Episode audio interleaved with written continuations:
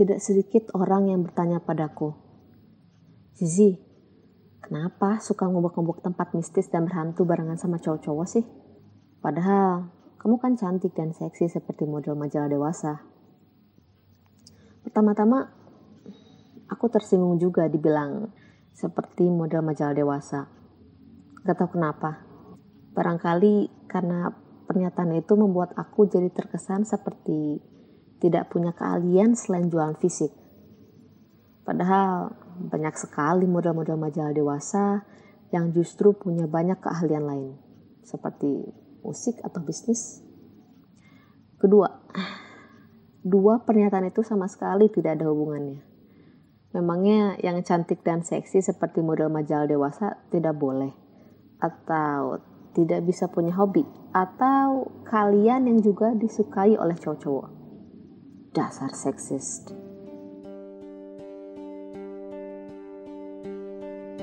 Padahal grup penjelajahan kami sebetulnya berlima. Tiga laki-laki dan dua perempuan. Hanya saja, Erika, perempuan yang satu lagi, tidak pernah ikut penjelajahan di lapangan. Dia lebih banyak mengurusi before afternya, seperti mencari lokasi, mencari tahu informasi terkait data dan sejarah lokasi yang akan kami jelajahi. Lalu mengedit foto-foto dan video-video untuk nantinya kami unggah ke sosial media. Dia penakut juga sih. Erika tidak pernah ada masalah bila harus membaca buku atau menonton film horor sendirian di tengah malam.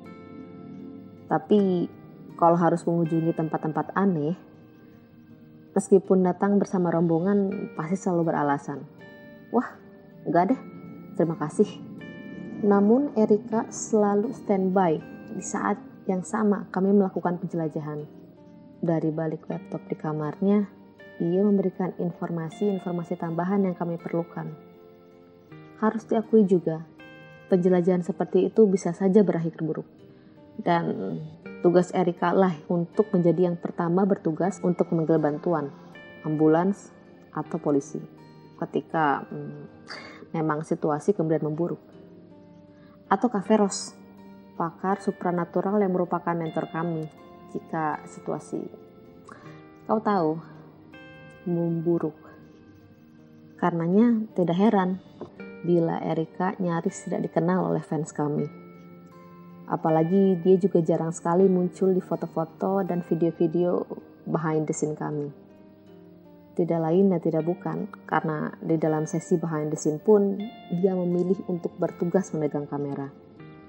Ya, pada dasarnya Erika memang kurang terlalu suka berada di depan kamera. Padahal temanku yang satu itu juga sebetulnya dapat dikatakan cantik dan seksi seperti model majalah dewasa.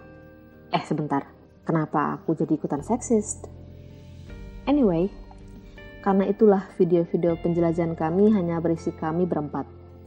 Aku, Raka, Alex, dan Yundra. Kami semua masing-masing dilengkapi dengan kamera DSLR dan GoPro. Ya, kami profesional.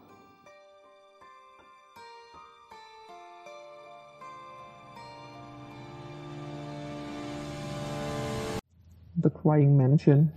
Ooh, sexy gumam Alex ketika Erika menyodorkan pada kami lembaran-lembaran berisi informasi data dan sejarah dari lokasi yang akan kami jelajahi selanjutnya malam itu. Seksi bagaimana? Seletuk Raka sambil menyeruput coklat hangat di cangkirnya. Enggak tahu men, kedengarannya seksi aja. Greget banget gitu namanya. The Crying Mansion. Jawab Alex sambil tergelak sebuah rumah tak berpenghuni, luas dan megah, memiliki empat lantai termasuk satu lantai bawah tanah. Selepas jam 10 malam, warga sekitaran rumah megah tersebut kerap mendengar suara tangisan dari dalam rumah. Kata Yundra perlahan sambil membolak-balik lembaran informasi di hadapannya. Menarik, tapi Sambungnya kemudian sambil menolehkan pandangannya kembali ke arah Erika yang berdiri tak jauh di sampingnya bukannya kita pernah menjelajah yang seperti ini ya Er? Maksudku hmm, sebuah lokasi yang terdengar suara tangisan dari dalamnya. Yang videonya kita juduli Orphanage of the Phantom Children itu. Tanyaku memastikan lokasi yang dimaksud oleh Yundra. Tempat itu kan bekas panti asuhan. Ia mengasuh anak-anak hingga usia 12 tahun. Dan kasusnya bukan hanya suara anak-anak. Suara tawa anak-anak, suara anak-anak berbincang, bermain, dan berlarian juga terdengar di sana. Siang dan malam. Iya, yang itu. Jawab Yundra menegaskan. Tapi kan mirip. Adanya suara-suara di dalam bangunan kosong. Yang ini bukan hanya suara Yun, saut Erika. Baca dulu sampai selesai. Bukan, cuma suara. Sahut kami berempat bersamaan sambil menoleh dan menatap Erika lekat-lekat. Sebagai isyarat agar Erika menjelaskannya saja. Sekalian dibanding kami harus membaca semuanya satu persatu. Ekspresi wajah Erika nampak agak sedikit kesal, seakan menyeratkan. Ya ngapain juga aku print semua dokumen kalau akhirnya aku yang jelasin juga. Tapi ini bukan pertama kalinya gadis berwajah imut-imut dan berkacamata bulat itu mendapat pandangan seperti itu dari kami berempat.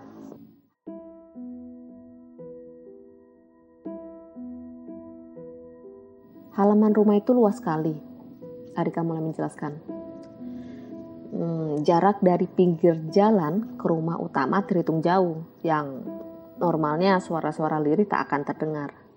Tapi siapa pun yang melintasi rumah itu di malam hari pasti mendengar suara-suara tangisan itu dengan sangat jelas. Bukan seperti tangisan anak-anak yang meraung-raung, tapi lebih hmm, seperti suara terisak-isak dan sesenggukan. Suara orang dewasa yang menangis. Dan suaranya terdengar seperti ada banyak suara yang berbeda-beda. Bercampur suara laki-laki dan perempuan dari berbagai usia Masalahnya, lanjut teman kami itu, pemilik rumah mewah itu pria eksentrik yang tidak menikah dan tidak punya anak. Dari sejarah yang ku tahu, hmm, semasa hidupnya, ia tinggal di rumah itu sendirian. Nyaris tidak pernah nampak keluar rumah, apalagi berinteraksi dengan tetangga sekitar. Juga tidak pernah terlihat menerima tamu, kecuali... Kecuali? Tanya Raka kecuali petugas pengantar kiriman yang datang menggunakan mobil box, jawab Erika. Konon pria pemilik rumah mewah ini gemar mengoleksi lukisan. Ia membeli lukisan-lukisan antik dari berbagai pelosok dunia untuk dipajang di rumahnya. Oh, rumahnya dipenuhi lukisan-lukisan antik. Seru Alex penuh semangat. Pasti menyeramkan di dalam sana. Lalu ada salah satu warga yang kebetulan tinggal tak jauh dari rumah mewah itu. Mencoba untuk menerbangkan drone melewati pagar yang tingginya nggak kira-kira, seperti benteng itu. Lanjut rekan kami itu. Sekedar mau mengintip ke arah jendela, sesuatu yang jelas tak akan bisa dilakukan dengan hanya berdiri dari luar pagar. Dan perlu kalian tahu, lensa drone-nya ia lengkapi dengan detektor panas. Dia ingin memastikan apakah masih ada manusia yang tinggal di sana, tanyaku. Yap. Jawab Erika cepat. Gokil. Seru Raka dan bersemangat. Terus, apa yang dia temukan? Kalau dia mau, lanjut Erika. Dia bisa saja menghajar kaca rumah itu dengan drone-nya untuk menjelajah ke dalam. Tapi ia tidak ingin mendapat masalah. Jadi, yang ia coba lakukan hanyalah menerbangkan drone-nya sedekat mungkin dengan jendela paling besar di rumah itu dan menembakkan lampu senter dan detektor panasnya ke sana. Terus terus? Lampu senter dari drone miliknya tidak dapat menampakkan seisi rumah itu dengan jelas. Terlalu gelap. Tapi dari apa yang dapat disinari olehnya, sepertinya memang terlihat bingkai-bingkai lukisan berjajar di koridor rumah itu. Tapi apa yang dilihat oleh detektor panas yang ditembakkan oleh drone itu tidak disangka-sangka olehnya detektor panasnya menangkap adanya makhluk hidup di dalam sana? Tanya Alex mencecar karena terusik oleh rasa penasaran. Yap, jawab Erika. Dan bukan cuma satu atau dua. Detektor panasnya mendeteksi makhluk hidup di dalam sana dalam jumlah yang mustahil dihitung. Nyaris memenuhi seisi rumah. Ketika ia menerbangkan drone-nya sedikit menjauh, dengan harapan kamera drone-nya dapat menangkap visual rumah secara lebih utuh. Kalian tahulah, ketika posisi drone dekat dengan jendela, detektornya menangkap panas sebanyak itu. Ia ingin tahu seberapa banyak sebetulnya deteksi panas di seisi rumah. Banyak, Tanyaku sambil berdebar-debar. Banyak. Jumlahnya tak bisa ia hitung. Seakan memenuhi rumah itu dari lantai bawah tanah sampai lantai teratas. Ia tak bisa menjelaskan ada apa di dalam sana. Tapi apa yang ia temukan sedikitnya menjelaskan betapa banyaknya suara-suara tangisan yang terdengar saling bersautan.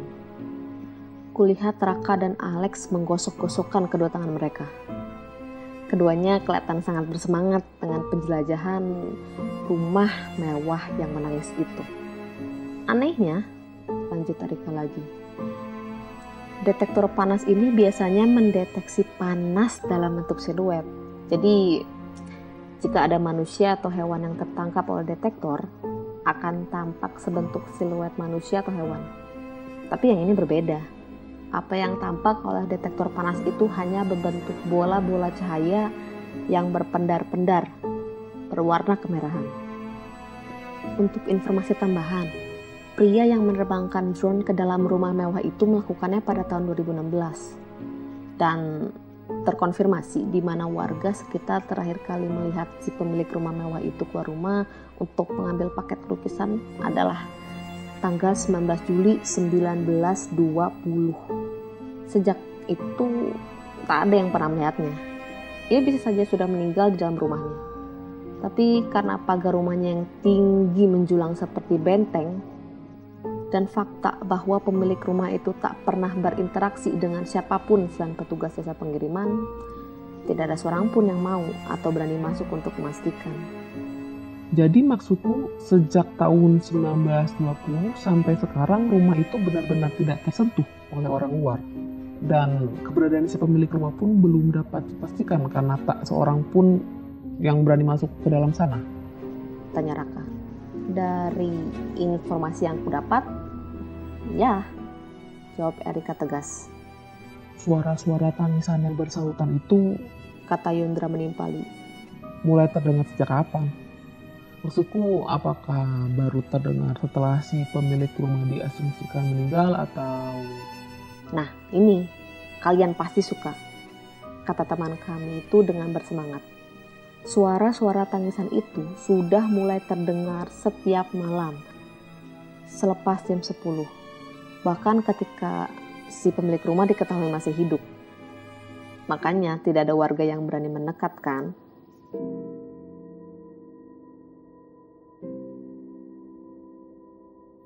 Yo, berangkat guys, berangkat. Seru Raka penuh semangat sambil menepuk-nepuk meja di hadapannya dengan telapak tangannya. Kami tidak membuang-buang waktu. Segera setelah hari mulai gelap, kami mengendarai mobil kami menuju rumah mewah yang menangis itu. Jalanan di depan rumah itu tidak besar, masih masuk kawasan pedesaan. Karenanya sangat kontras sekali melihat rumah mewah sebesar itu berbanding dengan rumah tetangga-tetangganya yang ukurannya hmm, bahkan tak sampai sebesar pekarangan rumah mewah itu. Mungkin karena legenda keangkerannya, meski sudah puluhan tahun, Tak ada satupun warga sekitar yang membangun rumah mereka cukup dekat dengan rumah mewah itu. Jarak rumah tetangga terdekat dari rumah mewah itu paling tidak 100 meter. Sesuatu yang wajar, kurasa. Maksudku, siapa yang mau mendengar suara-suara tangisan aneh dari sebuah rumah kosong sepanjang malam? Setiap hari. Kami memerakir mobil kami di lahan kosong yang terletak persis di samping rumah mewah itu. Rumput-rumput di sana lumayan tinggi, dan terdapat beberapa pohon besar yang dapat menutupi keberadaan mobil kami sementara kami menjelajah. Ya, seakan-akan ada yang peduli bahwa kami menerobos rumah berhantu itu. Dengan peralatan yang kami bawa, kami berhasil memanjat tembok rumah mewah itu. Yang memang seperti yang dideskripsikan dalam dokumen yang diperlihatkan oleh Rika. Tingginya nggak kira-kira, seperti sebuah benteng Segera setelah kaki kami mendarat di sisi dalam rumah, kami segera mengaktifkan kamera-kamera yang kami pasang di pakaian kami. Dengan demikian, proses perekaman akan langsung dimulai dan pada saat yang sama, Erika yang mengawasi lewat komputer di rumahnya dapat memantau kondisi kami. Seperti yang kukatakan sebelumnya, dalam penjelajahan yang kami lakukan, hal buruk bisa terjadi di dalam sana.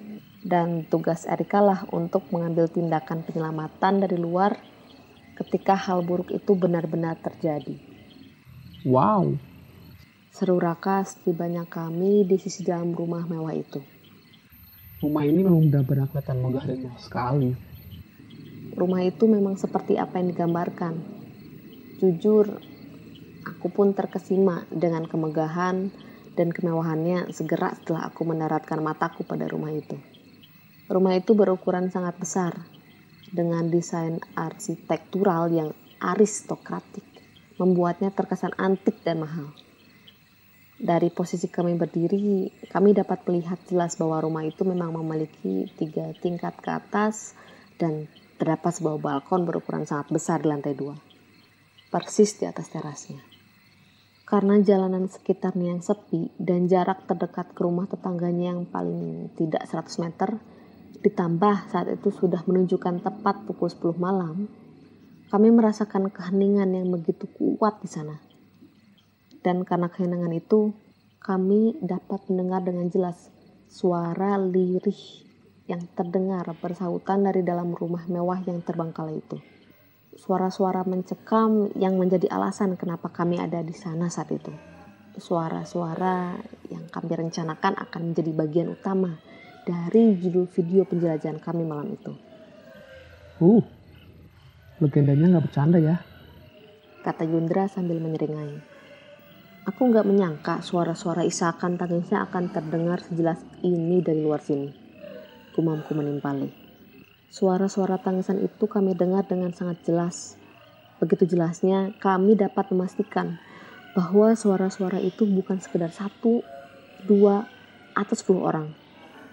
Suara isak tangis itu terdengar seperti berasal dari puluhan, um, kalau bukan ratusan orang. Ada suara isak tangis perempuan, laki-laki, orang tua, dan bahkan anak-anak saling bersautan terdengar lirih, namun sangat jelas.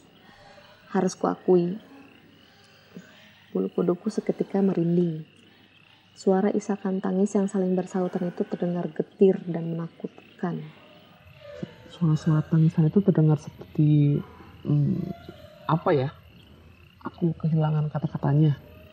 Kumam Alex sambil kami melangkah mendekati teras rumah itu seperti hantu yang terperangkap di suatu tempat dan tidak bisa pergi, padahal mereka ingin pergi. Saut Raka sambil mengeluarkan alat pencongkel dari tasnya, yang akan ia gunakan untuk membuka paksa pintu depan rumah mewah itu. Ya, ya, seperti itu. Hmm, tapi tidak persis begitu. Apa ya? Semakin kami mendekati teras rumah itu, semakin keras suara-suara tangisan aneh itu terdengar. Raka mulai mencongkel pintu depan untuk membukanya dan Krek. Terdengar suara yang mengisyaratkan bahwa ia berhasil melakukannya. Cici, seperti biasa. Kata Raka kepadaku sambil isyarat gestur tangannya seperti mempersilahkan masuk. Ladies first. Terima kasih gentleman. Sautku sambil menempelkan telapak sepatuku ke pintu dan mendorongnya kuat-kuat sehingga pintu depan rumah mewah yang menangis itu seketika terbuka lebar.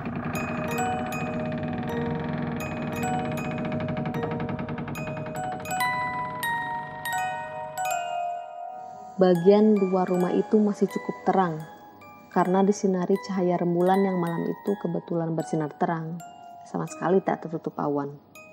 Namun bagian dalamnya, karena sudah lama tak ditinggali sehingga gelap gulita dan pengap. Listrik dan air pasti sudah puluhan tahun tak mengair ke sana. Dengan sigap, kami menyalakan lampu pada headlights kami dan menyalakan senter yang kami pegang di tangan kami masing-masing.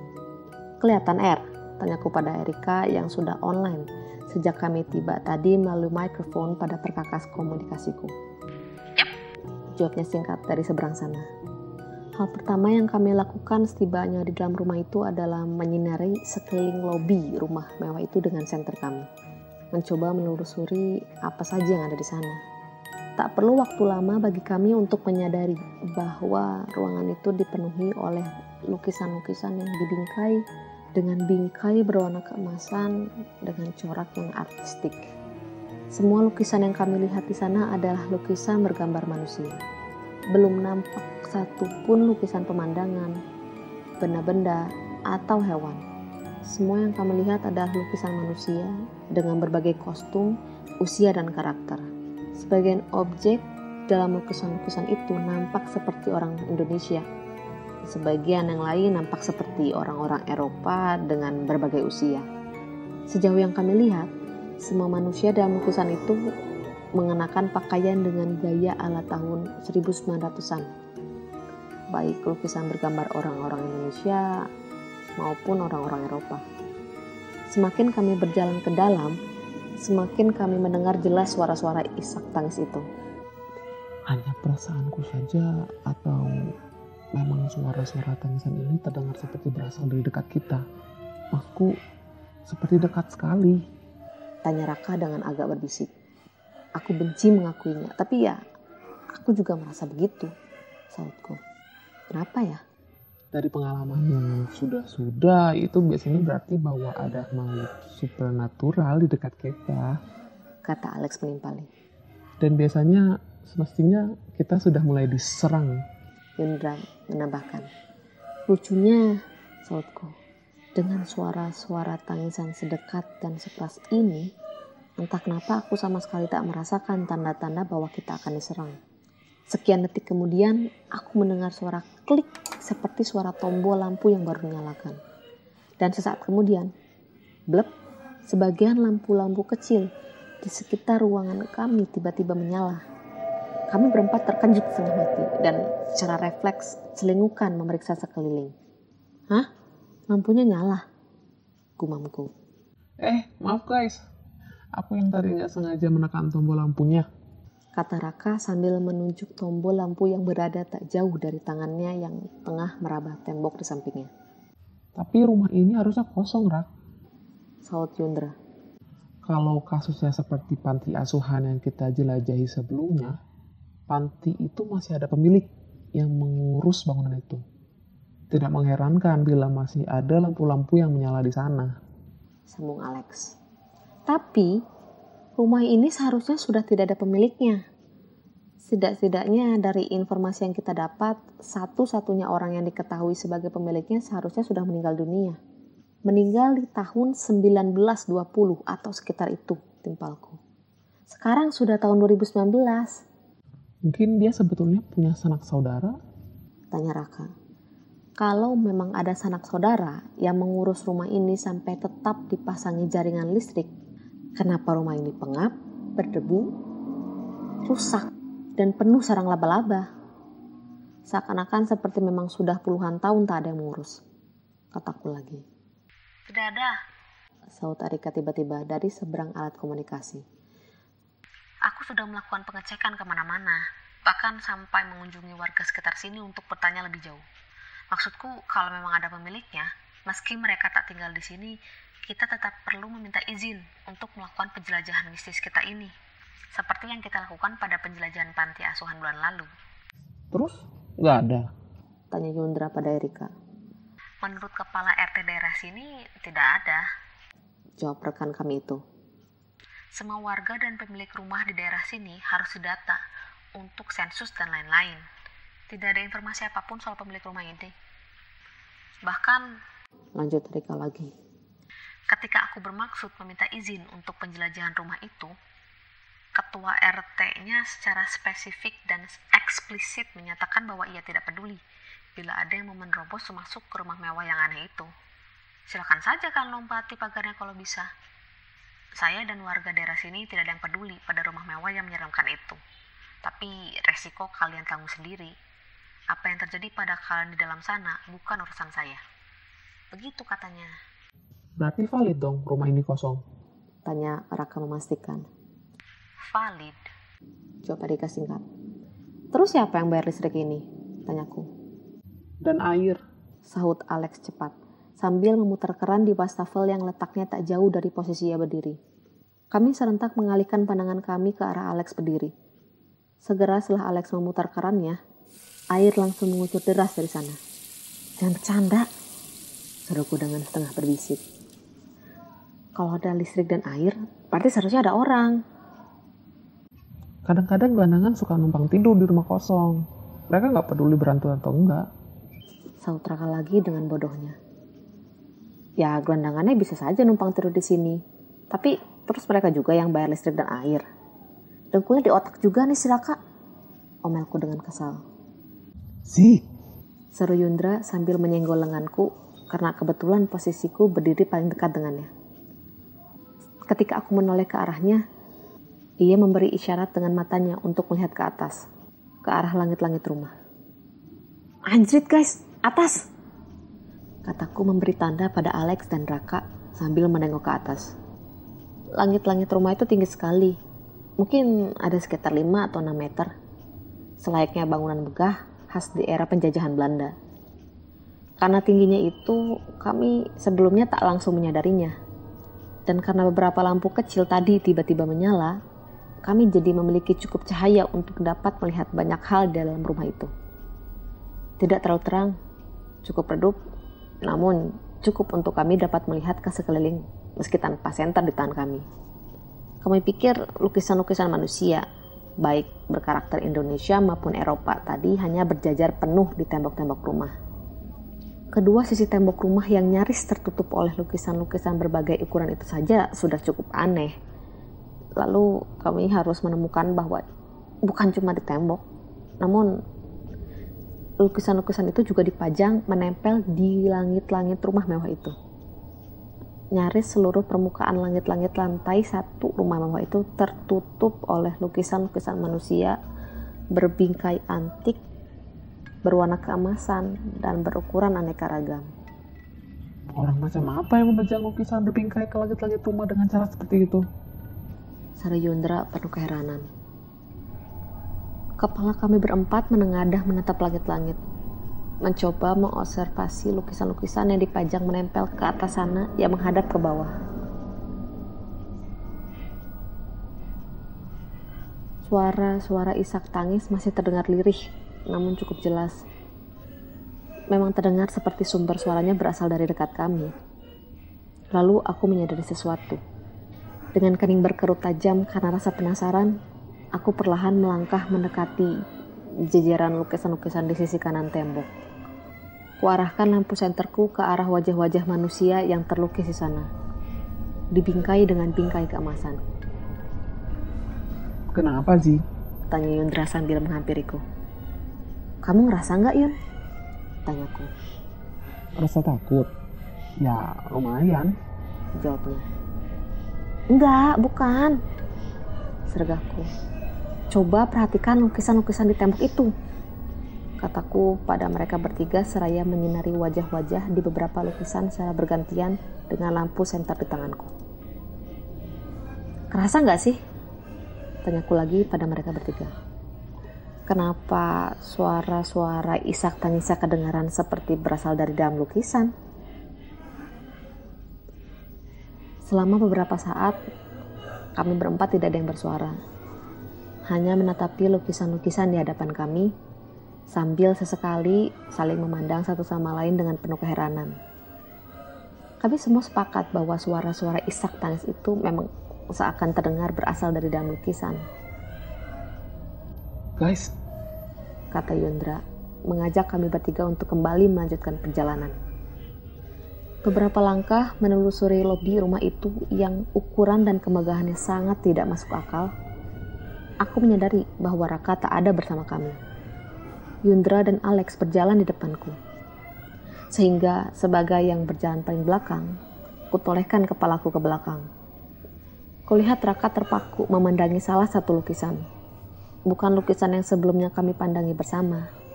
Lukisan lain tak jauh dari lukisan yang sebelumnya. Kepalanya seperti condong ke depan. Keningnya nampak berkerut. Raka kelihatan seperti tengah mengobservasi sesuatu. Rak, panggilku sambil mengayun-ayunkan senterku ke arahnya. Oh, sorry. Sahut Raka sambil berlari mendekatiku. Lukisan tadi aneh. Kata Raka setelah ia kembali berjalan di sampingku. Yang kita lihat bersama-sama tadi, tanyaku. Bukan, yang barusan kulihat sebelum kamu memanggilku. Aneh kenapa? Sejauh ini lukisan-lukisan yang sudah kita lihat baik itu lukisan orang-orang Indonesia maupun Eropa, mereka mengenakan pakaian ala-ala tahun 1900-an. Terus? Lukisan yang kulihat tadi, lukisan seorang anak muda, laki-laki, kelihatannya seperti seumuran kita. Gaya pakaiannya seperti gaya pakaian tahun-tahun sekarang. Dengan kaos, jaket kulit, celana jeans, dan sepatu kets. Tahun 1900-an juga udah ada kali kaos, jaket kulit, celana jeans, dan sepatu kets. Saut Alex tanpa menoleh ke belakang sedikit pun. Memang, tapi kalung perak berbentuk emblem logonya Power Youth belum ada ya tahun 1900-an. Timpal Raka.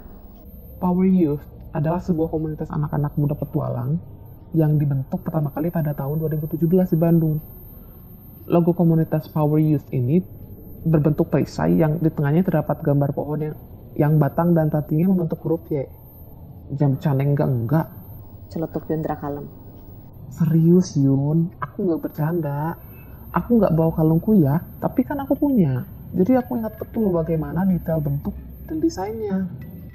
Oke, katakanlah lukisan-lukisan ini bukan hanya dari tahun 1900-an, tapi ada juga dari tahun-tahun sekarang. Tapi bagaimana ceritanya seorang anak muda seumuran kita bisa sampai ada lukisannya di dalam rumah ini? Nggak mungkin banget. Komentar Alex sambil sesekali mengayunkan senternya ke kiri dan kanan. Ya, tetap nggak mungkin, Lex. Saut Arika dari seberang alat komunikasi kami. Ingat yang tadi kusampaikan, bahwa penglihatan terkonfirmasi atas sang pemilik rumah terakhir kali terlihat oleh warga adalah pada tanggal 13 Juli 1920. 1920 guys. Gak mungkin juga dia masih hidup di tahun 2017 untuk membuat lukisan seseorang yang mengenakan kalung Power Youth. Tapi aku yakin banget itu kalung Power Youth. Raka bersikukuh. Sudah, sudah. Nanti kita cek lagi saja sambil sekalian pulang. Perjalanan kita masih panjang. Keburu pagi nanti. Yundra akhirnya menengahi. Kalian pasti akan mengomeli aku. Bilang buat jangan bercanda yang enggak-enggak. Tapi nggak tahu kenapa setelah melihat tulisan dengan kalung Power Youth tadi, aku curiga kalau pemilik rumah ini jangan-jangan masih hidup. Kata Raka lagi dengan pelan. Ada pintu. Kata Yundra seraya menekan kena pintu di hadapan kami dan membuka daun pintunya. Lobi rumah mewah itu nampaknya berakhir di sana. Di ujungnya terdapat sebuah tembok yang tak dihiasi dekorasi maupun lukisan apa pun, kecuali sebuah pintu kayu di tengah-tengahnya. Ketika akhirnya pintu itu terbuka lebar, kami berempat terperanjat melihat apa yang ada di baliknya. Kontras dengan lobinya, apa yang nampak di balik pintu di hadapan kami adalah sebuah lorong yang sempit. Lebarnya hanya sekitar 2 meter maksimal. Di sepanjang tembok sisi kanan dan kirinya berjajar lukisan-lukisan dengan gaya yang sama seperti yang kami lihat di lobi rumah itu tadi. Setelah Raka yang berjalan paling belakang menutup pintunya, kami kembali melanjutkan perjalanan, menyusuri lorong-lorong sempit yang aneh dengan wallpaper berwarna merah darah menempel di temboknya. Rumah seluas ini, tapi di balik pintu ini hanya ada sebuah lorong sempit seperti labirin begini, kataku bertanya-tanya. Interior rumahnya dimodifikasi jadi seperti labirin. Saut Alex. Biar apa? Tanyaku lagi. Pertanyaan bagus. Jawab Yundra yang jawabannya sama sekali tidak menjawab pertanyaanku. Mau tidak mau, aku jadi teringat si psikopat pembunuh berantai yang memodifikasi rumahnya agar seperti labirin untuk memperangkap korban-korbannya. Kata Raka. Aku tidak mau berkomentar apa-apa. Dari dulu Raka memang yang paling sering menyeletukan komentar-komentar yang tidak-tidak di saat yang tidak-tidak. Tak lama perjalanan kami terhenti karena kami tiba di sebuah persimpangan empat arah. Kami mencoba menelusuri dengan senter dan mata kami. Apa-apa saja yang kira-kira ada di lorong di masing-masing arah. Selain lukisan-lukisan yang bertengger di tembok, nampak sekilas oleh kami ada tikungan-tikungan dan persimpangan-persimpangan lain di sepanjang lorong. Jadi memang hmm, entah kenapa si pemilik rumah memodifikasi interior rumahnya sehingga menjadi seperti sebuah labirin. Dalam situasi seperti ini, kami cenderung mengikuti ke mana arah keputusan Yundra. Karenanya ketika Yundra memutuskan untuk berbelok ke kanan dan menyusuri lorong di sisi kanan kami, kami semua langsung mengikuti tanpa banyak bertanya. Oh, apa ini? Aku menoleh ke belakang mendengar suara Raka. Kelihatannya kaki Raka seperti tak sengaja menyenggol sesuatu di lantai. Sesuatu yang kelihatan seperti dompet. Ia membungkuk dan mengambil dompet itu dari lantai. Dompet? Dompet. Gumamku, Yundra, dan Alex nyaris bersamaan. Raka di sisi lain nampak penasaran dan membuka lipatan dompet itu. Jelas ia bermaksud mencari kartu identitas yang memungkinkannya mengidentifikasi dompet milik siapa itu. Dompet itu jelas kelihatan cukup baru. Setidaknya tidak seperti berasal dari tahun 1900-an. Hah? Seru Raka lantang sambil melompat ke belakang dan tak sengaja melempar dompet dan kartu identitas yang ditemukannya sehingga kembali jatuh ke lantai. Kenapa, Rak? Tanya Yundra Saraya menghampirinya. Kalian ingat lukisan anak muda yang tadi ku bilang mengenakan kalung power use? Tanya Raka sambil memandang kami bertiga dengan pandangan penuh teror dan ketakutan. Iya. Jawab kami bertiga bersamaan. Lalu Raka membungkuk mengambil kartu identitas yang jatuh tadi. Kemudian dengan wajah yang menampakkan kengerian yang amat sangat, ia menunjuk foto yang terpampang di atas kartu identitas itu dengan ujung jari telunjuknya. I, ini anak ini. Katanya dengan suara gemetar. Kami bertiga tercekat. Yakin? Tanya Yundra. Yakin? Banget. Wajah dan potongan rambutnya sama persis dengan yang di lukisan di depan tadi. Aku kan mengamati lukisannya karena berusaha memastikan apakah ia yang kenakan betul-betul kalung power use. Kami bertiga mendekati Raka dan mengamati kartu identitas yang dipegangnya. Nama yang tertera di kartu itu tertulis sebagai Reza Ardian, lahir di Surabaya, 7 Desember tahun 1995. Pada kartu identitas itu tertulis informasi bahwa ia dicetak pada tahun 2018. Kamu yakin? Tanya Yundra lagi. Maksudku mungkin hanya mirip saja. Eh, nggak tahu ya. Jawab Raka. Mungkin mirip saja, tapi mirip banget loh dan tetap saja aneh nggak sih kalau ada foto satu foto dan satu lukisan yang dua-duanya berisi wajah orang yang mirip kalau bukan sama di tempat seperti ini selain itu kalau ada dompet berisi kartu identitas seseorang yang lahir di tahun 1995 yang kartunya dicetak di tahun 2018 tertinggal di sini berarti berarti meskipun orang ini bukan orang yang sama dengan yang di lukisan pun dia pernah ada di sini di ruangan ini Entah bagaimana, ia kehilangan dompetnya di sini. Sautku. Berikan padaku semua informasi yang ada di kartu identitas itu. Kata Erika dengan sigap dari seberang alat komunikasi. Biar aku lacak kabar terbarunya. Lalu ku foto kartu identitas yang tengah dipegang oleh Raka dan kukirimkan pada Erika via chat WhatsApp. Sementara Erika melacak informasi yang kami berikan, kami kembali melanjutkan penyusuran kami. Kami membawa dompet itu serta bersama kami, yang dimasukkan oleh Raka ke dalam tasku. Perhatian kami teralihkan sejenak ketika kami melewati sebuah lukisan yang bingkainya jauh lebih besar dibanding lukisan-lukisan lain yang kami lihat. Lukisan itu menggambarkan seorang pria tua, tinggi, dan kurus, berusia sekitar 50-an, dengan kumis lebat dan melengkung. Khas kumis pria-pria Eropa zaman dahulu yang bentuknya ala pelukis Salvador Dali. Ia mengenakan pakaian dengan gaya tahun 1900-an. Kuamati latar lukisan itu seperti lobi rumah yang tengah kami susuri itu, lengkap dengan bingkai-bingkai lukisan bertengger di temboknya, di belakang pria itu. Pemilik rumah ini kah?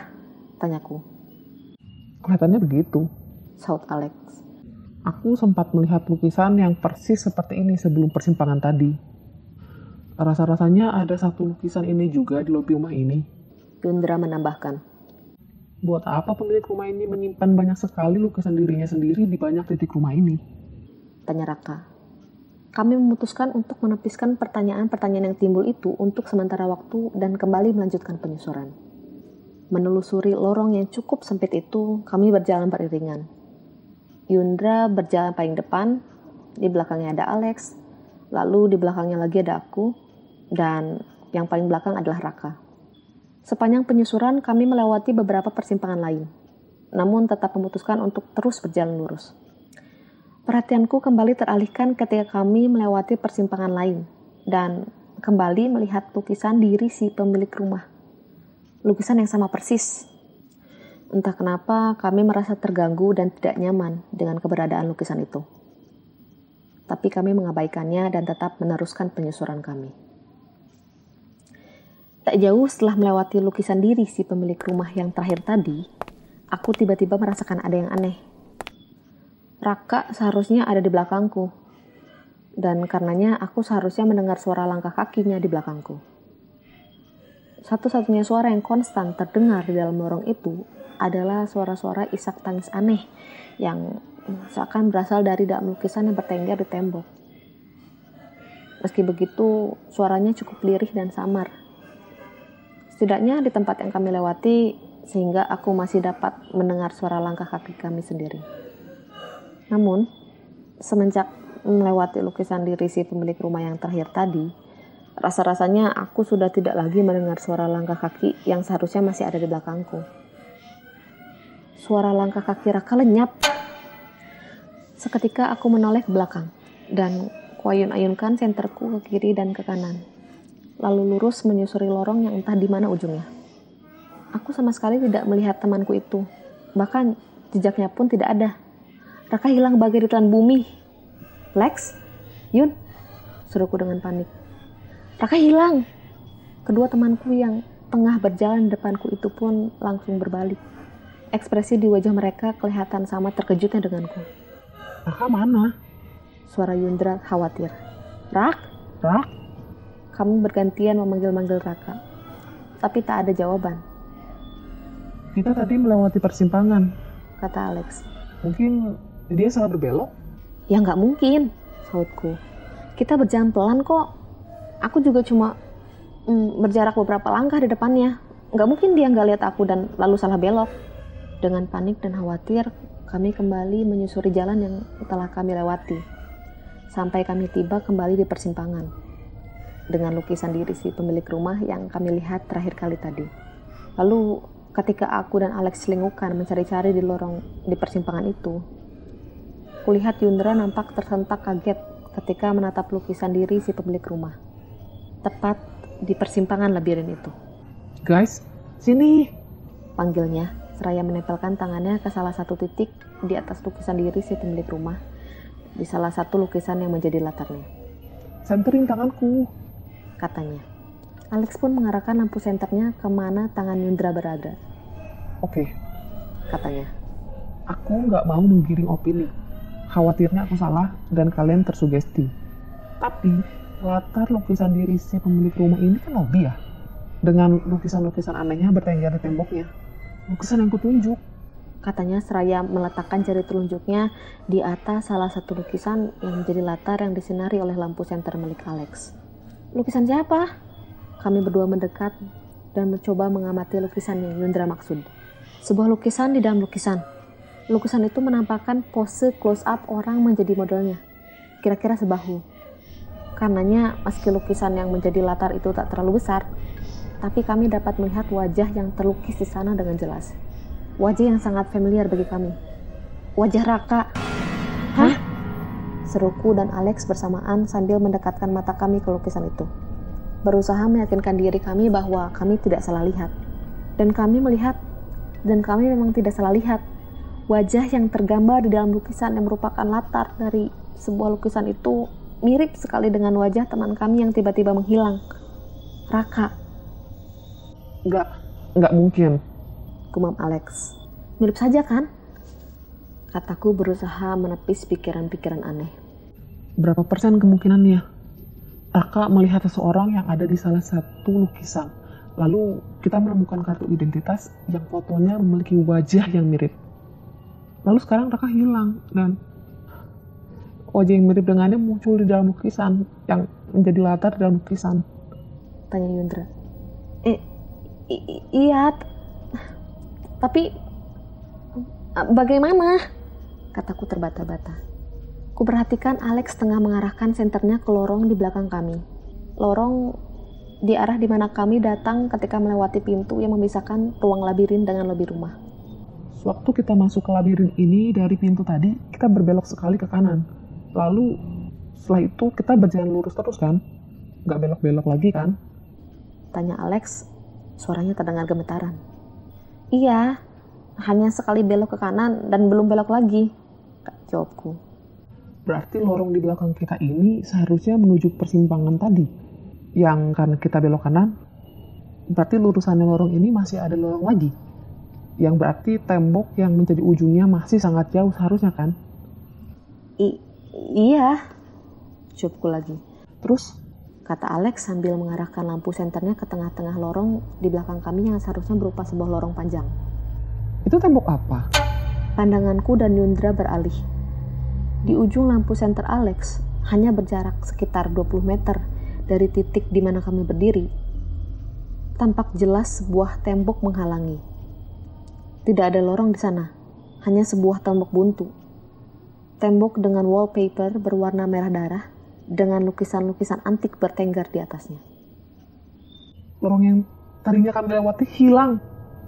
Eh, apa-apaan? Seruku dan Yundra bersamaan.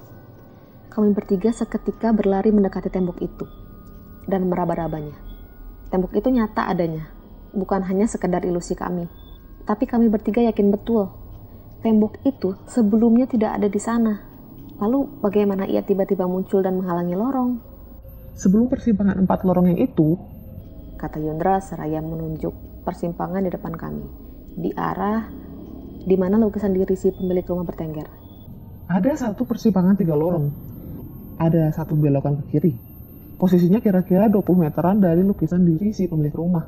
Berarti tembok aneh ini entah dari mana dan bagaimana tiba-tiba muncul persis posisi belokan dan menghalanginya. Kenapa aku mendapat kesan bahwa kau berpikir kalau kita tengah digiring ke satu arah? Kataku pada Yundra. Sepertinya memang kita tengah digiring ke satu arah. Kata Alex, terdengar pasrah. Bagaimana kau bisa yakin? Tanyaku. Itu. Jawabnya. Di dekat lukisan diri si pemilik rumah, tadinya ada persimpangan empat lorong kan? Sebuah kata dalam kalimat Alex langsung menohok jantungku. Tadinya. Dengan cepat dan penuh ketakutan, aku dan Yundra kembali membalikan badan. Kami bertiga menatap ke arah di mana lukisan diri si pemilik rumah yang di latarnya ada wajah yang mirip dengan Raka berada. Sebelumnya ada persimpangan empat lorong di sana, tapi kini lorong yang mengarah lurus ke arah kiri telah tertutup tembok dengan wallpaper berwarna merah darah. Sehingga pilihan yang tersisa bagi kami hanyalah berbelok ke kanan. Oke, nampaknya kami memang tengah digiring ke satu arah. Tapi oleh siapa? Dan untuk apa? Kelihatannya kami tidak memiliki pilihan lain untuk menjawab pertanyaan itu selain menyusuri sendiri lorong yang menuju ke arah kanan itu. Enggak, enggak mungkin. Raka beneran hilang. Enggak, enggak mungkin. Seru Erika dengan panik dari seberang alat komunikasi kami. Er? Panggil Yundra memastikan apa maksud Erika. Aku sudah mencoba mengontak langsung alat komunikasinya maupun ponselnya. Nihil, tersambung pun tidak. Kata Erika menjelaskan. Lalu kalian tahu kan kalau kita memasang alat pelacak di pakaian kalian berempat? Hal itu dilakukan dengan maksud agar jika kalian hilang atau atau tersesat, aku dapat menemukan kalian. Ya, jawabku. Alat pelacak Raka bagaimana? Hilang juga. Saut Erika dengan panik. GPS receiverku kehilangan jejaknya. Alat pelacak Raka sama sekali hilang dari receiverku. Kita nggak bisa lama-lama di sini. Kata Yundra dengan sigap. Kita lanjut jalan. Kita nggak tahu ada apa di ujung sana. Tapi tetap di sini pun jelas bukan sebuah pilihan. Aku dan Alex setuju. Kami pun melanjutkan penyusuran kami. Kami berbelok ke kanan tepat setelah kami melewati lukisan diri si pemilik rumah. Yundra berjalan di depan, aku di tengah, dan Alex di belakang. Baru saja aku hendak berbelok, aku tiba-tiba mendengar suara jeritan Alex. Zi! Suara jeritannya seperti memanggil namaku, namun dengan tiba-tiba terputus. Menghilang bagaikan ditelan bumi sebelum ia sempat selesai berkata-kata. Tentu saja, refleks aku dan Yundra menoleh ke belakang. Alex tidak ada. Hilang. Shit! Maki Yundra dengan panik. Ayo sih, jalan terus. Alex hilang ke mana Yun? Semua lorong kecuali yang sedang kita lewati ini kan sudah tertutup tembok. Seruku dengan panik dan ketakutan. Gak tahu Ji. Saut Yundra cepat. Kalau kita tetap di sini, kita bisa hilang juga. Dan itu nggak bagus. Siapa yang akan nolong Raka dan Alex kalau kita berdua juga ikut hilang? Kita keluar dulu dari rumah ini. Kita cari solusinya setelah kita keluar. Loh, Kak Verus menelepon. Seru Erika dari seberang alat komunikasi. Sebentar ya guys, aku AFK dulu. Aku angkat telepon Kak Verus. Dengan setengah berlari, kami menyusuri lorong yang cukup sempit dengan wallpaper berwarna merah darah itu. Tembok-temboknya penuh bertengger lukisan-lukisan antik. Ketika melewati sebuah titik, sesuatu menarik perhatianku. Sesuatu di dinding, sebuah lukisan di sana. Yundra! Jeritku panik dan ketakutan. Langkah kakiku terhenti. Ngapain sih? Jangan terus. Hardiknya. Tapi itu kataku terbata-bata sambil menunjuk salah satu lukisan yang bertengger di tembok. Yundra mengalihkan pandangannya dariku ke lukisan yang kutunjuk di tembok. Mata temanku itu seketika membelalak lebar. Tubuhnya gemetar dan wajahnya menampakkan kengerian yang teramat sangat. Di dalam bingkai lukisan yang bertengger di tembok di hadapan kami, kami melihat lukisan seseorang yang sangat kami kenal. Lukisan seluruh badan dari salah satu teman kami yang pertama kali menghilang beberapa saat yang lalu. Raka. Di dalam lukisan itu nampak Raka. Dalam pose seluruh tubuh, dilukiskan tengah duduk di sebuah sudut ruangan.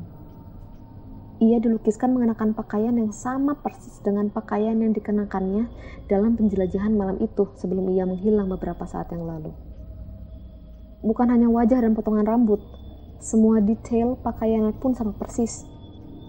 Ah, mi, mm, mirip sajakah? Tanyaku pada Yundra dengan penuh ketakutan. Enggak. Enggak mungkin cuma mirip saja. Masa sampai ke baju-bajunya?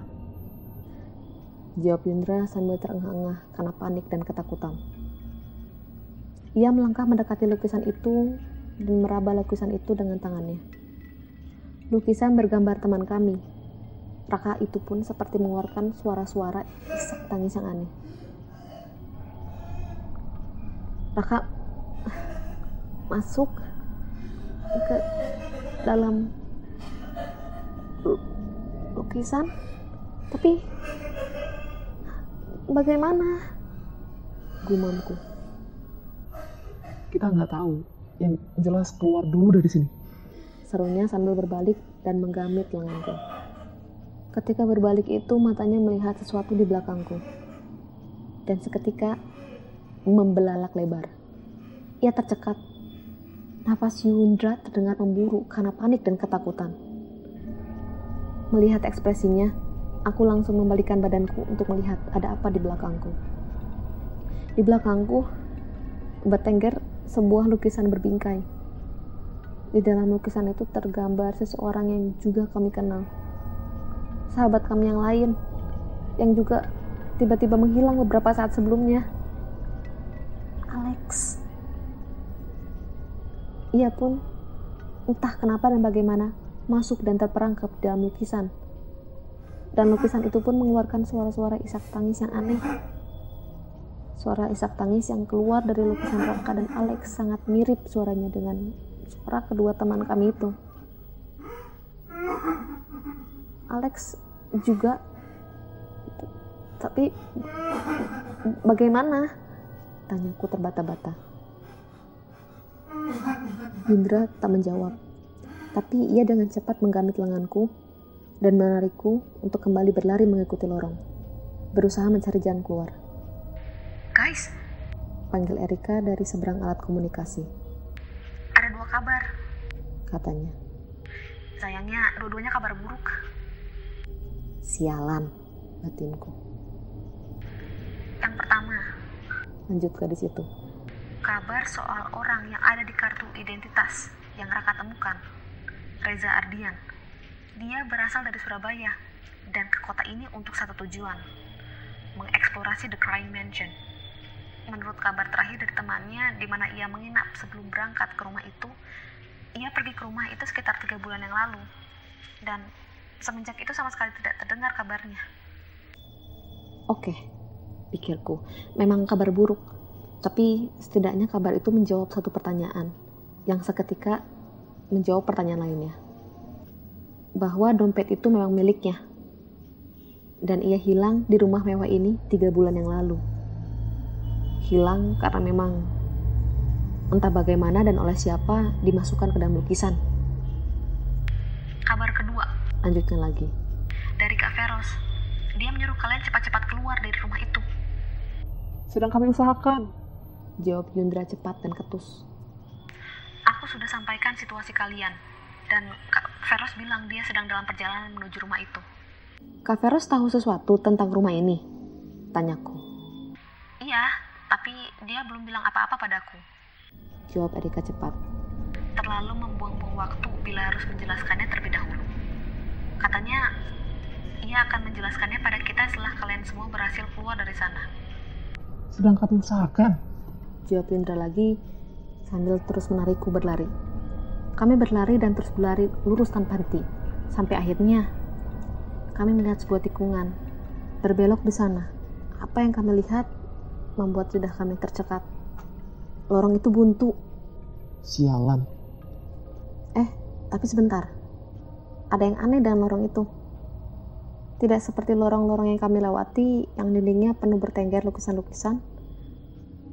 Dinding-dinding lorong itu kosong. Hanya wallpaper berwarna merah darah saja. Namun demikian, di ujungnya, di atas tembok yang menjadi ujung lorong itu, bertengger sebuah lukisan berukuran cukup besar. Lukisan itu bergambar sosok diri sang pemilik rumah, sama persis seperti yang kami lihat beberapa kali sebelumnya. Lorong ini aneh. Gumam Yundra sambil mondar-mandir di ujung lorong. Lalu mau bagaimana ini kita? Balik lagi ke tempat awal tadi. Sebentar, biar kupikirkan dulu. Sejak tadi kita berpikir bahwa kita seakan tengah digiring menuju suatu tempat, kataku. Kalau lorong ini adalah ujungnya, berarti kita memang sebetulnya digiring ke sini. Tapi untuk apa? Seketika itu juga aku mendengar suara jeritan Yundra. Zizi! Refleks aku memutar balik badanku dan melihat sebuah adegan yang membuatku tercekat karena ketakutan.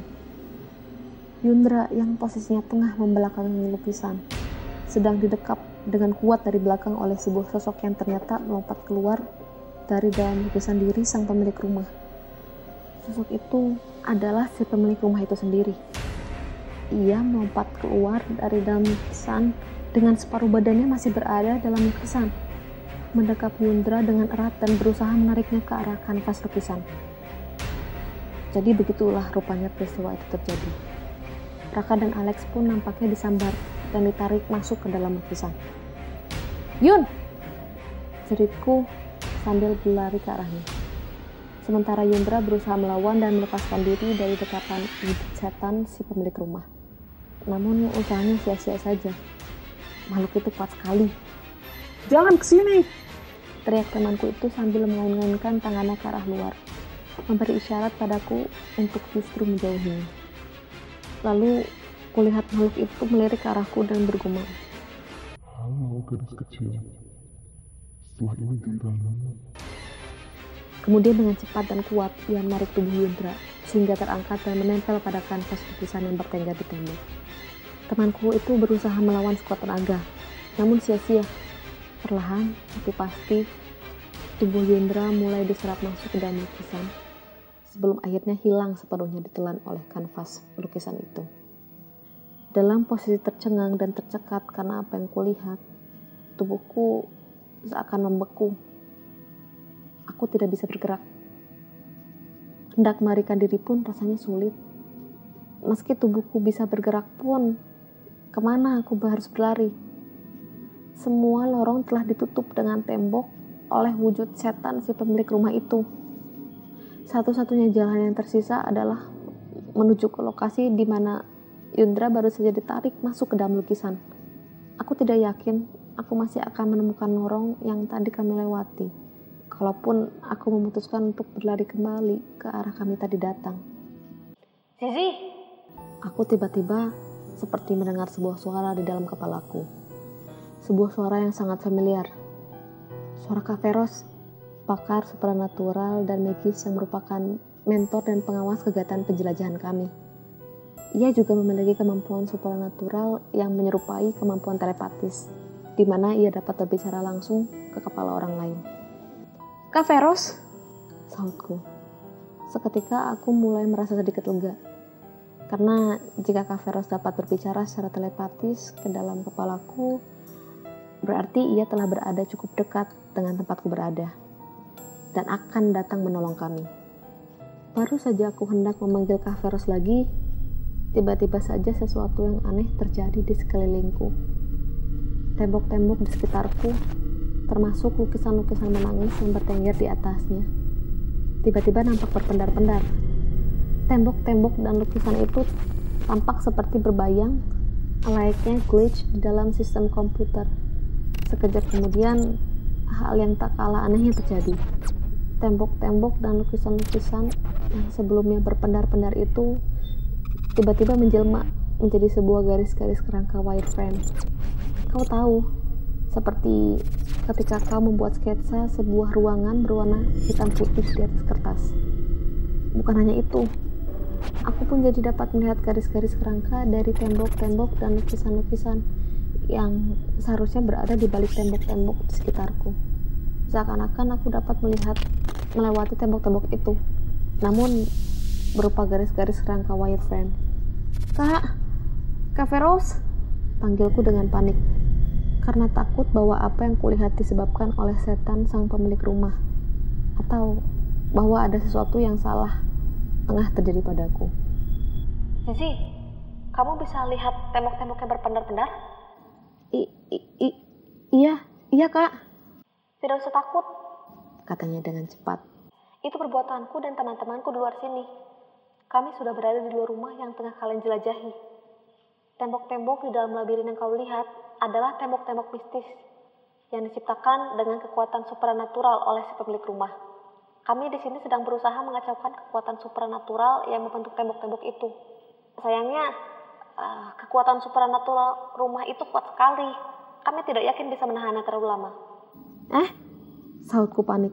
Terus, ba- bagaimana? Saat ini, Kak Feros melanjutkan penjelasannya. Kau seharusnya dapat melihat menembus semua tembok-tembok mistik itu. Perhatikan sekelilingmu baik-baik. Dan cari posisi pintu yang tadi membawamu masuk ke dalam ruangan labirin itu. Kulakukan apa yang diperintahkannya. Ku amati sekelilingku yang kini tampak seperti sebuah ruangan yang luas namun kosong. Hanya terisi garis-garis kerangka tembok-tembok dan lukisan-lukisan. Ketemu! Seruku ketika akhirnya menemukan pintu yang membawa kami masuk. Ada ke sana, Zi. Sekarang. Seru Kak Feros. Selama tembok-tembok yang masih nampak seperti garis-garis kerangka, kamu dapat berlari melewatinya seakan memang tidak ada apa-apa di sana. Cepat! Tidak membuang-buang waktu, aku memutar tubuhku ke arah pintu yang dimaksud. Dan berlari ke sana cepat yang ku bisa. Kakiku berlari membawaku melewati garis-garis kerangka yang seharusnya mengindikasikan bahwa ada tembok berdiri di sana. Walaupun memang aku bisa melewatinya seakan tidak ada apa-apa yang menghalangiku di sana, namun harus kukatakan, setiap kali aku melewati garis-garis kerangka yang mempresentasikan keberadaan sebuah tembok mistik, aku tetap merasa seperti aku baru saja menembus sesuatu. Sesuatu seperti tembok angin. Seperti aku berlari menembus sebuah air terjun, namun bukan air yang berada di sana. Melainkan sesuatu yang terasa seperti tembok angin. Ketika akhirnya kakiku berhasil membawaku menuju pintu yang dimaksud, tanganku dengan cepat langsung meraih knopnya dan menekannya. Terbuka. Kubuka pintu itu lebar-lebar dan berlari melewatinya. Aku kembali berada di dalam lobi rumah mewah itu yang luasnya terasa tidak wajar. Tapi aku tidak berhenti dan terus berlari. Sampai aku mencapai pintu depan rumah mewah itu. Membukanya dan akhirnya berlari keluar terasnya. Ketika kakiku akhirnya menginjak teras rumah mewah itu, aku sepenuhnya merasa lega. Apalagi aku sudah melihat Kak Veros berdiri di dalam pagar rumah itu. Tak jauh dari pintu yang baru saja kelewati. Zizi! Seru Kak Veros memanggilku seraya berlari ke arahku. Kak Veros menangkap tubuhku yang nyaris terjatuh dan mendekapku erat. Oke, oke, tenang. Kamu sudah ada di luar. Tidak apa-apa, sudah aman, katanya sambil menepuk-nepuk punggungku. Sambil terengah-engah kehabisan nafas dan kurasakan keringat di wajahku mulai menetes dan menghalangi pandanganku. Tapi aku masih dapat melihat kelima orang teman Kak Veros datang mendekati kami. Mereka adalah teman-teman seperguruan Kak Veros. Tiga orang laki-laki dan dua orang perempuan. Semuanya, termasuk Kak Veros juga tampak banjir keringat dan terengah-engah seperti kehabisan nafas. Gila ini rumah. Kekuatan supernaturalnya besar banget. Kita sudah berenam saja masih kewalahan begini. Kalau Veros datang sendirian, dia nggak akan bisa ngapa-ngapain. Kata salah satu perempuan sambil mengelus-elus punggungku untuk menenangkanku. Sementara itu, teman Kak Veros yang perempuan satu lagi mengambil tubuhku dari Kaveros dan menggantikannya memelukku setelah melilit tubuhku dengan selimut. Yundra, Alex, dan Raka? Tanya Kaveros padaku. Di dalam lukisan, Kak. Jawab kelemas dan masih ketakutan. Shit, gumam Kaveros. Pantas mereka tidak menjawab panggilanku. Aku nggak familiar dengan wajah teman-temanmu aku akan kesulitan buat mencari mereka di dalam lukisan yang mana. Kata salah satu teman Kaveros yang laki-laki. Ya sudah, aku yang masuk. Saut mentorku itu. Oke, nanti aku, Ricky sama Dewa yang akan menarik mereka bertiga keluar dari dalam lukisan-lukisan itu. Jawab temannya tadi sambil menunjuk laki-laki satu lagi yang berdiri tepat di sampingnya. Tanpa komentar lebih jauh, Kak Veros langsung mengambil ancang-ancang dan berlari masuk ke dalam rumah. Tunggu dulu di sini sebentar ya, kata perempuan yang tadi memeluk dan menyelimutiku dengan lembut. Suaranya begitu lembut, damai, dan menenangkan. Ia mendudukkanku di lantai di belakang mereka dengan hati-hati. Kemudian, kelima orang teman Kak Veros tadi saling bergandengan tangan. Mereka kelihatan tengah berkonsentrasi melakukan sesuatu. Ku dengar suara Erika dari seberang alat komunikasi kami. Wah, R! Tak pernah aku merasa selega itu dapat kembali mendengar suaranya. Kamu gak apa-apa? Enggak apa-apa. Tapi Yundra, Alex, sama Raka terperangkap dalam lukisan. Kak Vero sedang berlari ke dalam untuk mengambil mereka. Kabarin aku lagi nanti ya, Zi. Aku juga keringat dingin nih. Aku takut banget kan kenapa-napa. Iya, jawabku singkat. Entah beberapa menit kemudian, barangkali ada sekitar setidaknya setengah jam, aku akhirnya melihat Kaveros berlari keluar rumah sambil menyeret tiga buah lukisan. Sementara dua orang teman perempuannya menghampirinya dan memapah tubuhnya. Tiga orang teman yang laki-laki mengambil lukisan-lukisan itu darinya. Dengan hati-hati, mereka meletakkan dua lukisan di lantai dan memegangi satu sisanya. Lukisan yang mereka pegang adalah yang terdapat Yundra di dalamnya. Dua orang dari mereka berdiri di belakang lukisan, masing-masing memegang sudut kiri atas dan sudut kanan atas bingkainya. Lalu keduanya mengepalkan tangan mereka dan memukul-mukulkan bagian bawah kepalan tangan mereka ke bagian belakang kanvas lukisan itu secara bergantian, seperti memukul kendang.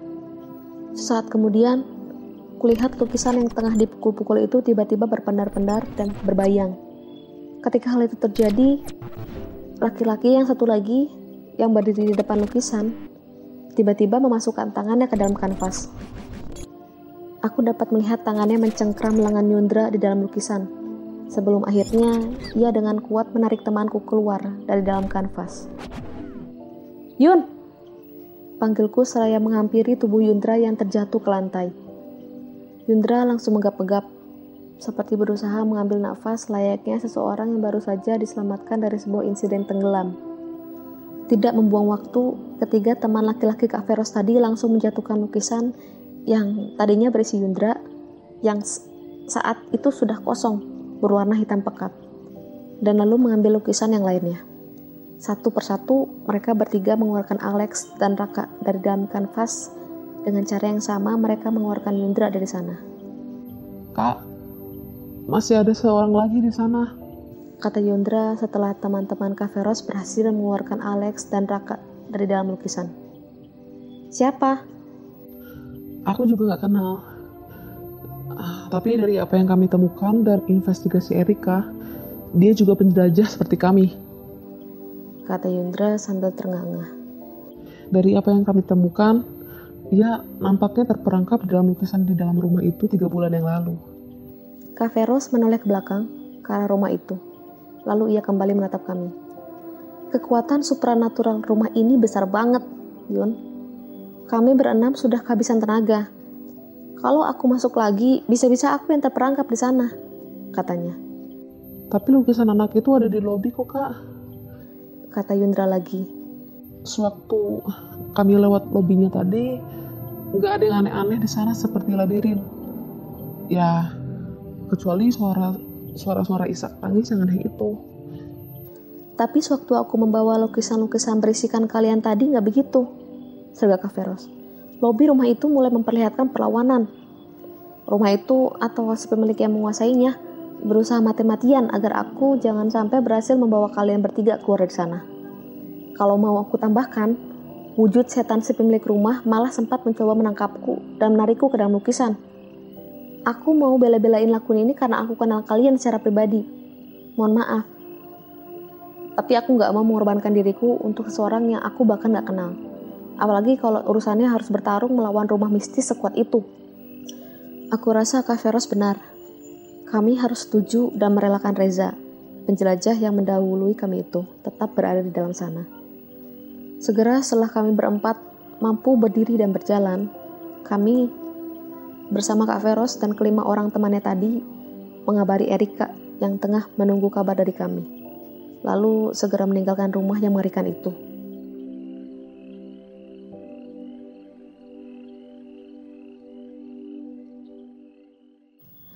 Selama sekitar seminggu setelahnya, kami berempat beristirahat di rumah masing-masing. Kami benar-benar tidak melakukan apa pun, sepenuhnya berusaha memulihkan diri. Ketika kami sudah merasa lebih baik, kami akhirnya berkumpul kembali di salah satu kafe langganan kami, bersama Kak Feros di sana. Di kafe itulah Kak Feros menjelaskan pada kami berlima, semua yang ia ketahui tentang rumah mewah yang menangis itu, dan apa yang membuatnya memutuskan menyusul kami dan membawa kami keluar dari sana, apa pun resikonya. Rumah mewah itu, menurut informasi yang didapat Kaveros, dimiliki oleh seorang pria blasteran Indonesia Eropa yang eksentrik. Satu-satunya yang diketahui tentangnya selain bahwa ia adalah orang keturunan blasteran adalah nama depannya, Abraham. Pria bernama Abraham ini ternyata adalah seorang praktisi ilmu hitam Ilmu hitam yang dipraktikannya adalah ilmu hitam untuk mendapatkan kehidupan abadi, atau setidaknya memperpanjang hidup selama mungkin. Metode yang digunakannya adalah dengan mengambil saripati energi kehidupan manusia lain. Kalian mungkin pernah mendengar tentang sebuah alat yang konon katanya dapat memancarkan bioenergi yang dapat meningkatkan energi kehidupan manusia yang menerimanya. Nah, kanvas-kanvas lukisan itu bekerja dengan prinsip yang sama, ia membeli lukisan-lukisan yang berisi manusia yang terperangkap dalamnya dari para maklar ilmu hitam di Eropa maupun di Indonesia. Para maklar inilah yang menangkapi manusia-manusia dan memerangkap mereka di dalam lukisan. Abraham hanya membeli saja dari mereka. Tentu, ia pun memiliki kemampuan untuk melakukannya sendiri. Namun, logis lebih mudah untuk tinggal membeli saja daripada harus berburu sendiri kan? Ketika ada manusia yang terperangkap di dalamnya, Kanvas-kanvas itu seperti memancarkan energi kehidupan yang dimiliki oleh manusia di dalamnya. Ketika ada yang menangkap energi kehidupan itu, energi itu berpindah dari si pemilik lama, yaitu manusia yang terperangkap di dalam lukisan, ke si pemilik baru, sang praktisi ilmu hitam. Kalau tidak ada yang menangkapnya, energi itu akan tetap jadi milik si manusia yang terperangkap di dalam lukisan. Karena terjadi perpindahan energi kehidupan dari satu sisi ke sisi lain, artinya lama-kelamaan energi kehidupan dari si pemilik lama akan menipis dan lalu menghilang. Dengan kata lain, hilang artinya ia tak lagi dapat memancarkan energi kehidupan. Dengan kata lain, si pemilik lama lalu akan mati. Itu sebabnya Abraham membeli dan menyimpan lukisan-lukisan sebanyak itu di dalam rumahnya. Agar supaya ketika energi kehidupan dari lukisan yang satu habis, ia masih mendapatkan pasokan energi kehidupan dari lukisan manusia yang lain. Kalau melihat jumlah lukisan yang dimilikinya, ditambah fakta bahwa kami baru menelusuri satu dari total empat lantai rumahnya, ia masih akan hidup sampai beberapa ratus tahun ke depan.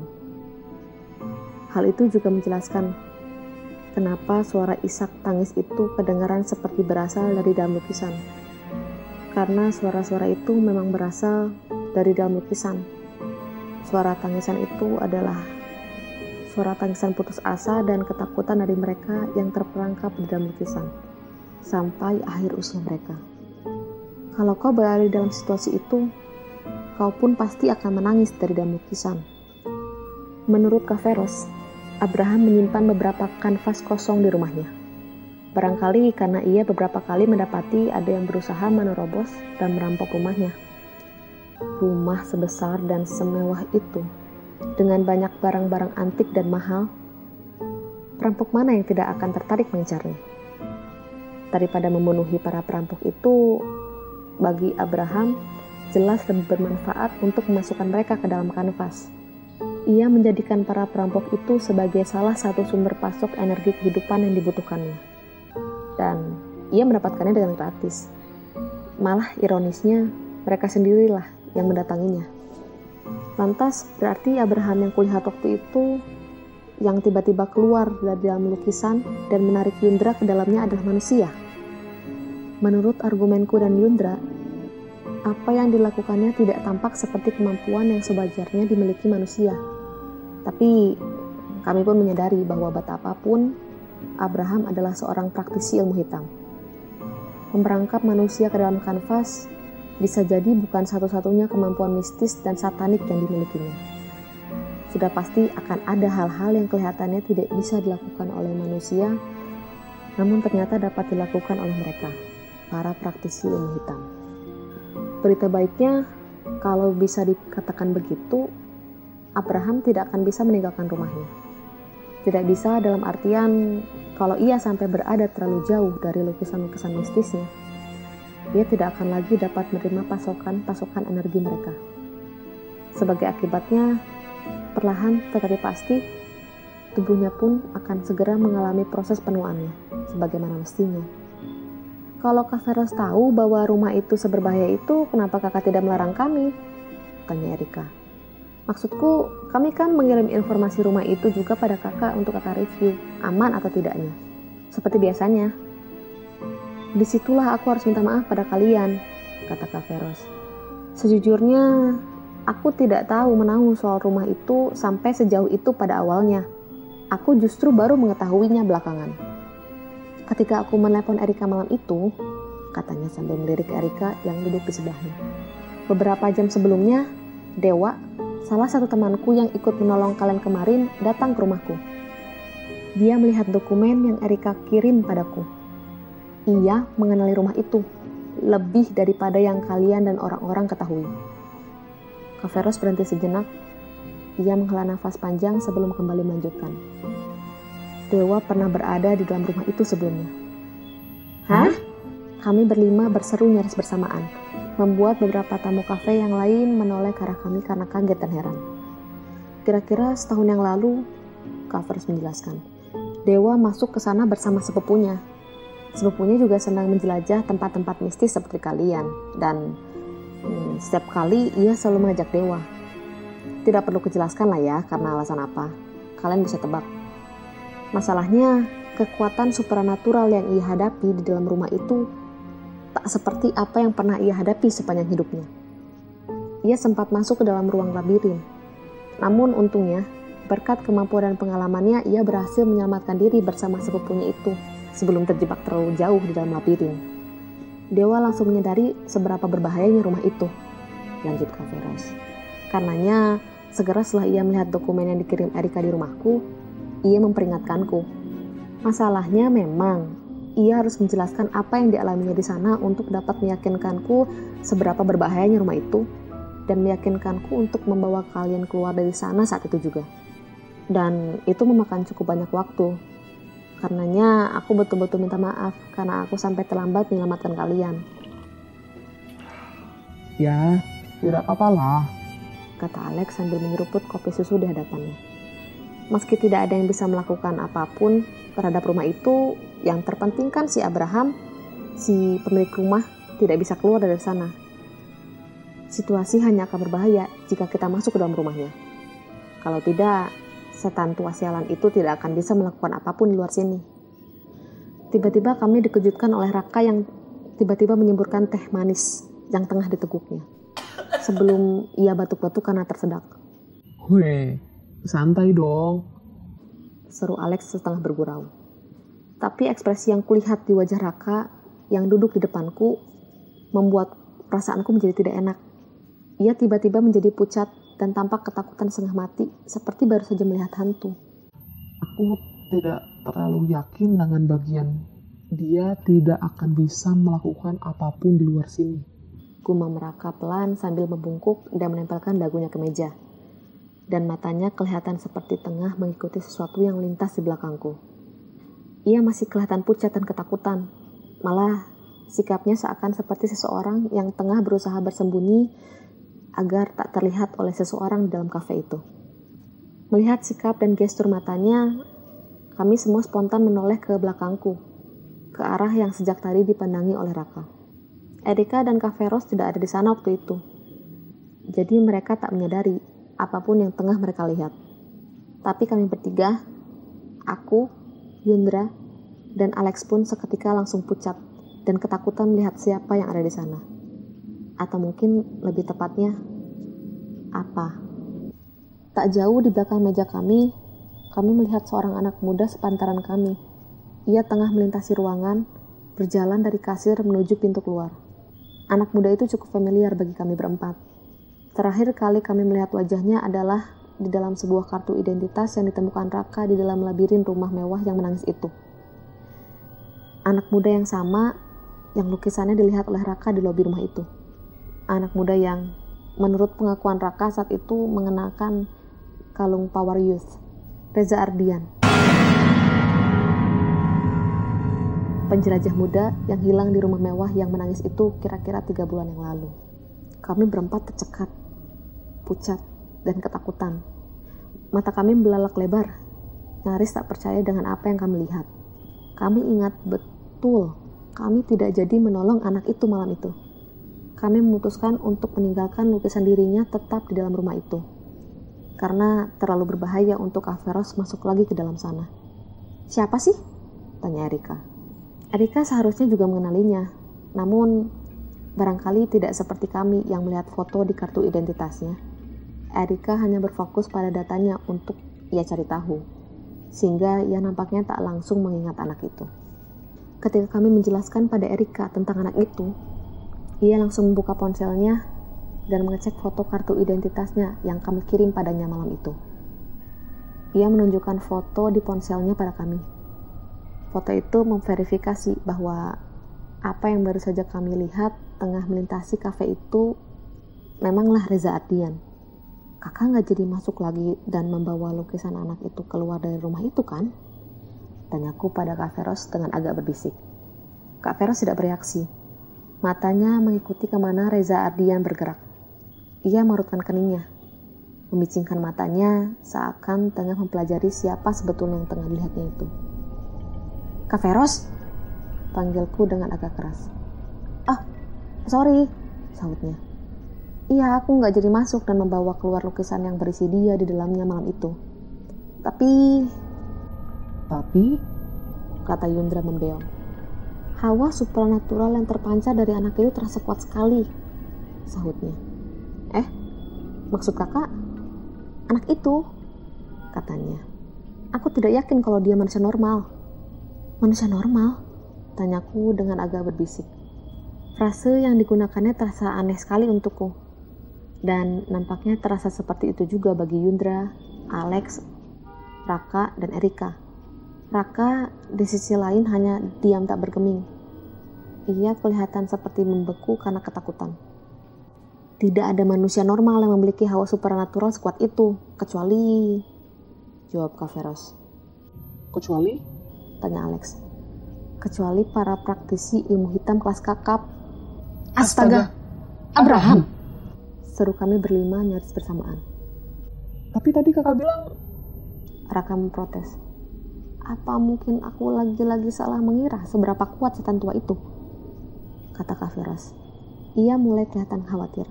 Tapi lanjutnya, apa yang dilakukannya di sini? Dia bisa menjelma jadi Reza. Tanya Alex lagi. Ilmu hitam ada macam-macam. Kaveros menjelaskan dengan cepat. Yang bisa mengubah wajah sesuai kehendak juga ada. Kalimat terakhir Kaveros langsung terbukti sesaat kemudian. Ketika sosok yang kelihatan seperti Reza itu keluar dari pintu kaca kafe itu, ia menutup pintu dengan tangan kirinya dengan posisi memunggungi kami. Lalu ia memutar tubuhnya 180 derajat ke arah kanan, sehingga kami dapat melihat wajahnya kembali.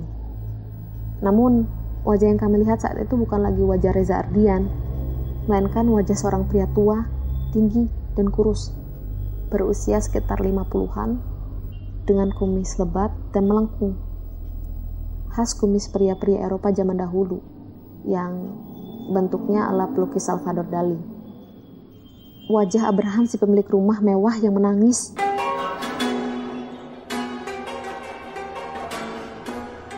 Seketika tubuh kami merinding karena ketakutan. Mata kami membelalak lebar melihatnya berdiri di balik pintu kafe. Lalu sesaat sebelum melangkah pergi meninggalkan teras kafe itu, kami melihat matanya melirik ke arah kami melalui pintu kaca. Lalu bibirnya menyunggingkan seringai yang aneh dan menakutkan. Sebelum kami sempat berkata apa-apa, Kaveros tiba-tiba bangkit dari duduknya, mengenakan jaketnya kembali dan menutupi kepalanya dengan tudung jaketnya. Kalian jangan ikut. Dari sini, langsung pulang. Katanya dengan tegas. Kakak mau ke mana? Tanya kami berlima, nyaris bersamaan dengan panik. Mau memastikan, jawabnya. Dan satu hal, kalau sampai besok pagi aku tidak memberi kabar apa pun pada kalian, pastikan kalian segera menghubungi dewa. Ceritakan padanya apa yang kalian lihat di sini. Hari ini, aku harus jujur. Kata-kata terakhir Kaveros sebelum ia meninggalkan kafe itu membuatku seketika ketakutan setengah mati.